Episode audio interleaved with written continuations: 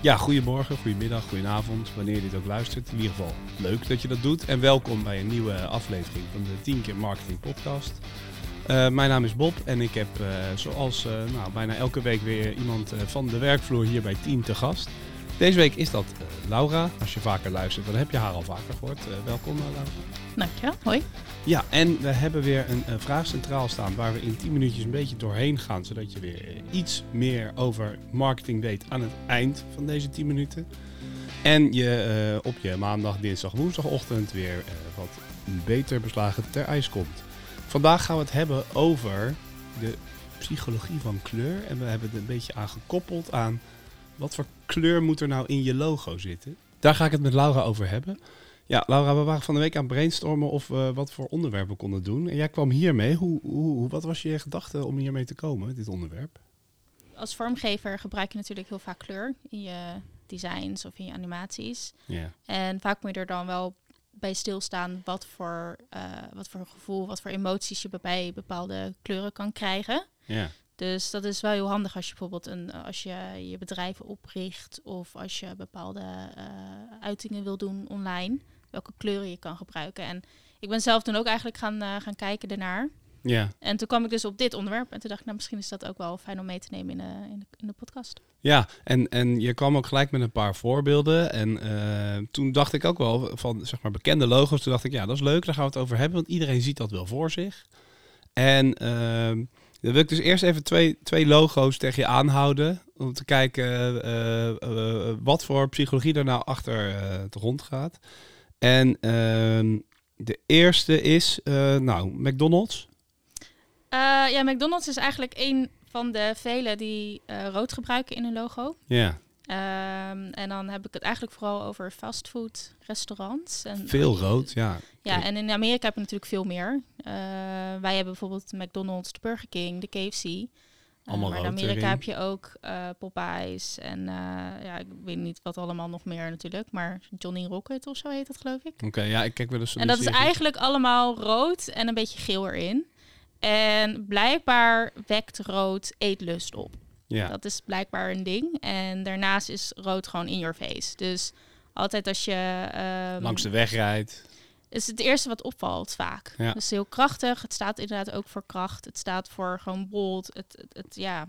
Nou, je hebt, je hebt zo'n mooie, je hebt een mooie, uh, de psychologie van de kleurcirkel uh, voor mij geprint. Ja. En inderdaad, bij rood staat inderdaad kracht en uh, direct. Ja. Uh, en geel heeft dan een beetje dat ener energieke staat erbij. Dat vind ik dan wel grappig. Dat die fastfoodketens dat proberen een beetje vaak te combineren. Nou, zeker McDonald's met die gele M.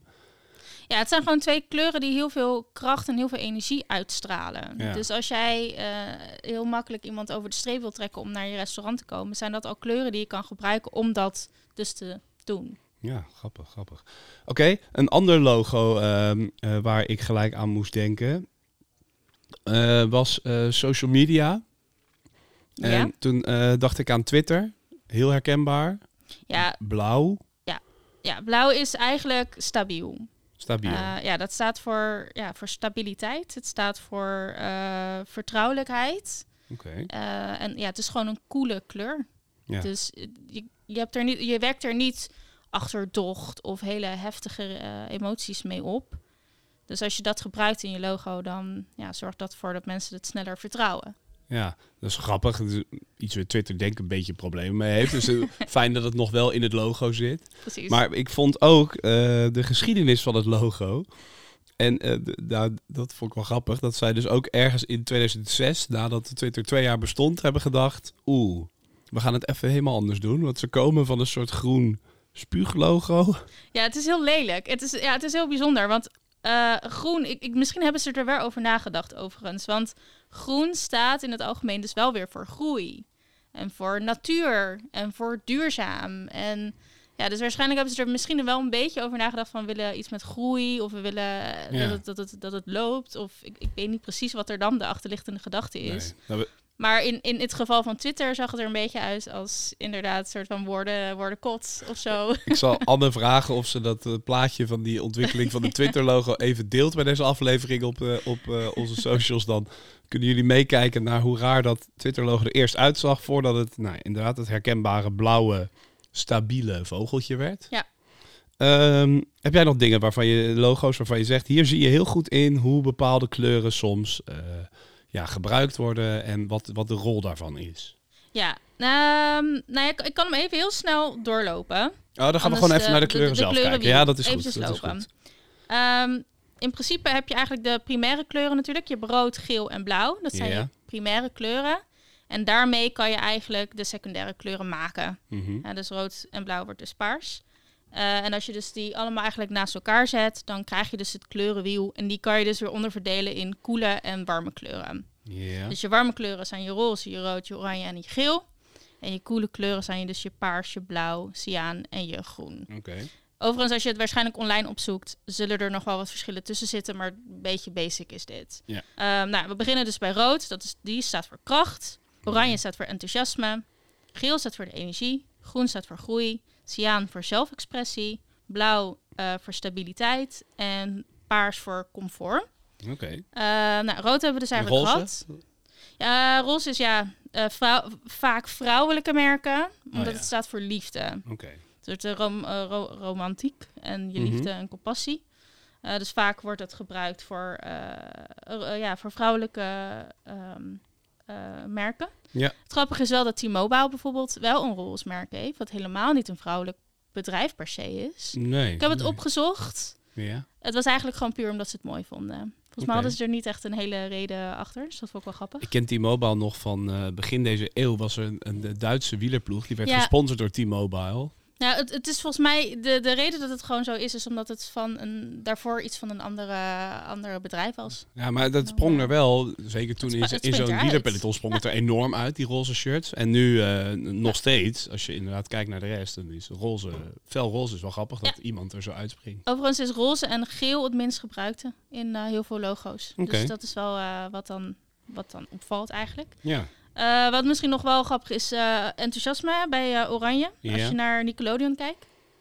Ja. Nickelodeon is, ja. dat is echt dus heel jeugd. Enthousiasme, dat, dat is, ja, zeker. Als, je, als ik aan, je, aan Nickelodeon denk, dan denk ik aan schreeuwen of zo. Ik weet niet, dat heeft wel okay, ja. met kinderen misschien te maken heeft. Ik denk aan Spongebob. Gewoon, ja, maar het is, het is wel aanwezig. Zeker, ja. Nou, dus dat, ja. dat, Die dat gebruiken zie je wel. dus heel erg. en bij energiek, bij, dat is voor geel. maar uh, geel wordt ook heel vaak gebruikt voor, uh, het staat voor, voor jong, voor, jong, voor ja. kinderen. En okay. dan kan je dus verder gaan denken. En als je bijvoorbeeld denkt aan merken als Zwitsal en Intertoys. Ja, ja allebei geel. Inderdaad, heel geel. Kijk. En verder groen wordt gebruikt meer voor uh, als iets scho schoon, natuur. Ja. Kijk naar de tuinen heeft volgens mij veel groen. Ja, zeker. Maar wat ik wel grappig vind, het is ook weer geen wet waar je aan moet houden. Nee. Want ik, ik zit bij zo'n bank die zich heel groen profileren. Is het ABN AMRO? Niet? Nee, AZN. Oh. AZN zou heel duurzaam en groen moeten zijn en zo. Ja. Uh, maar die hebben wel gewoon weer een rood logo.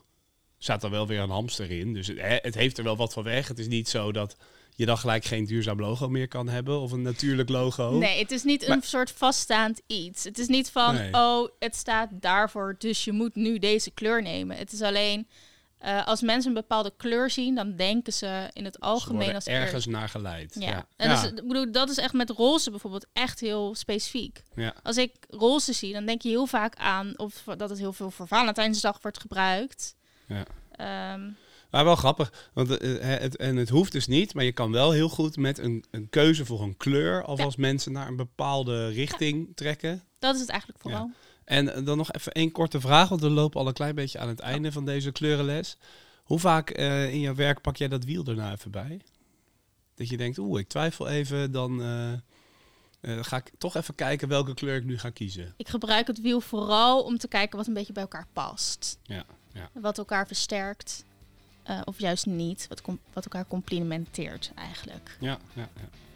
Nou, en dus uh, we, gaan, uh, we raden jullie allemaal aan om af en toe even zo'n kleurenwiel erbij te pakken als je twijfelt over de boodschap die je wil uitdragen. Ja. Uh, Laura, bedankt voor dit lesje kleurtjes. Graag gedaan. Ja. blijf binnen de lijntjes allemaal en bedankt voor het luisteren. Tot volgende week.